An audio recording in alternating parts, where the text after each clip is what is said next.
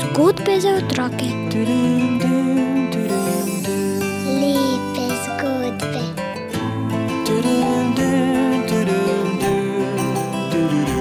Bere nam jih Juri Sešar. Lepo pozdravljeni, o, sem vesel, da nisem sam. No, že s tole pravljico smo štirje. Petelin, vrabec in lisica mi delajo družbo. Na dvorišču je Petelin kljuval pšenico. Priletel je vrabec in ga poprosil, daj še meni malo, pisani petelinček, vrnil ti bom, ko bo prišel čas. Kaj mi boš pa dal, vrabček?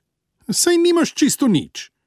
Ne govori, petelinček, sam dobro vem, kaj imam in česa nimam. Kadar me boš potreboval, vedno ti bom pomagal. No, pa je z mano. Pšenice je dovolj, je odvrnil Petelin. Vrabec se je najedel, zletel na ograjo in žvrgolev. Čez nekaj dni se je na dvorišče priplazila lisica. Okrog vratu je visel dolg rožni venec, sprednje tačke je sklepala kot v molitvi, križala se je in klanjala, tu in tam je pojedla malo trave. Ko se je prepričala, da jo petelin začudeno gleda, je zauzdihnila: Ah, kako postno, ah, kako sladko. Odkar hodim v samostan, mesa nočem več okusiti, jem gobe in malo trave, post se mi prileže. Petelin jo je debelo gledal. Kaj klobosaš, lisička? Stravo, da se prehranjuješ in križaš se in klanjaš. Ali hočeš postati svetnica? Uganil si, petelinček, hočem postati svetnica, ampak imam velik greh.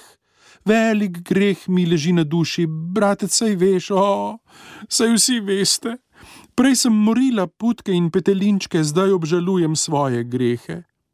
Prišla sem, da mi oprostite. Mi vsi ti oprostimo, lisička, ji je odgovoril Petelin. Mi si slabega ne zapomnimo.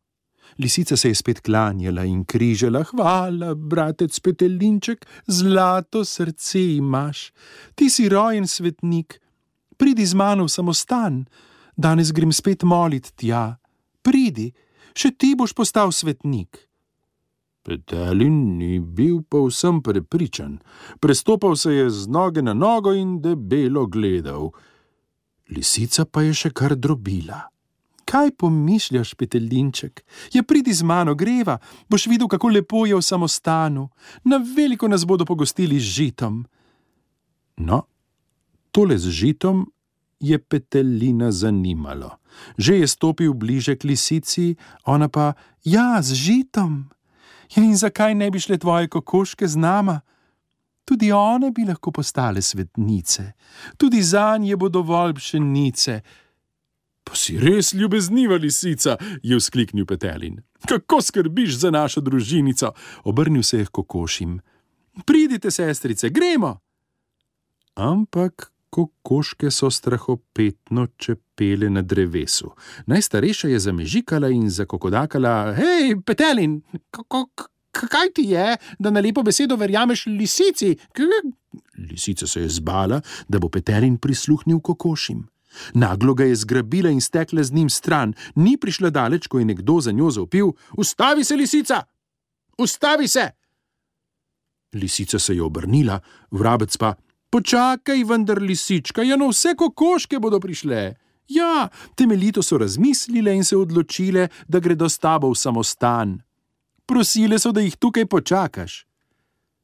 Lisica se je ustavila na poti, držala je petelinčka za vrat in se veselila, da pridejo še kokoši. Vrabec je, kolikor je mogoče hitro odletel na dvorišče, poklical psa in mu rekel: Teci hitro v lisičino hišico, petelinčka morava rešiti, drugače ga bo lisica pohrustala. Vrabec je odletel, kuža pa je stekel za njim. Prehitela sta lisico in se je skrila v njeno hišico. Lisica je sredi poti čakala in čakala, potem pa je dojela. O, nesramni mali vrabec, nalagal me je, kokošk ne bo, no, že dobro, imam vsaj petelinčka. Zadosti bo za nocojšnjo pojedino pri meni doma. Kar lepo doma, nič ne bo več šla v samostan. Ko je lisica odprla vrata svoje hiše, jo je vrabec pozdravil s poklonom. Dobrodošla, lisička. Dobrodošlica tudi tebi, lažnivec, je jezno zaupila lisica. Po petelinčkovem mesku boš ti moj poobedek. Bomo videli, ker je tu še moj prijatelj. Boš z njim zaplesala? Kuža je skočil in zgrabil lisico, spustila je petelina in z raztrganim kožuhom pobegnila v gost. Petelin je s težavo prišel do zraka. In ko se je otresel, je zakikirikal: Kikriki, hvala vama, prijatelja moja, hvala najbolj tebi, vrabček, kikriki, res nimaš ne bogatstva, ne velike moči, imaš pa bistro pamet. Hvala. Hvala, dragi poslušalci, pa tudi v mojem našem imenu. Nasvidenje pri naslednji zgodbi za otroke. Zgodbe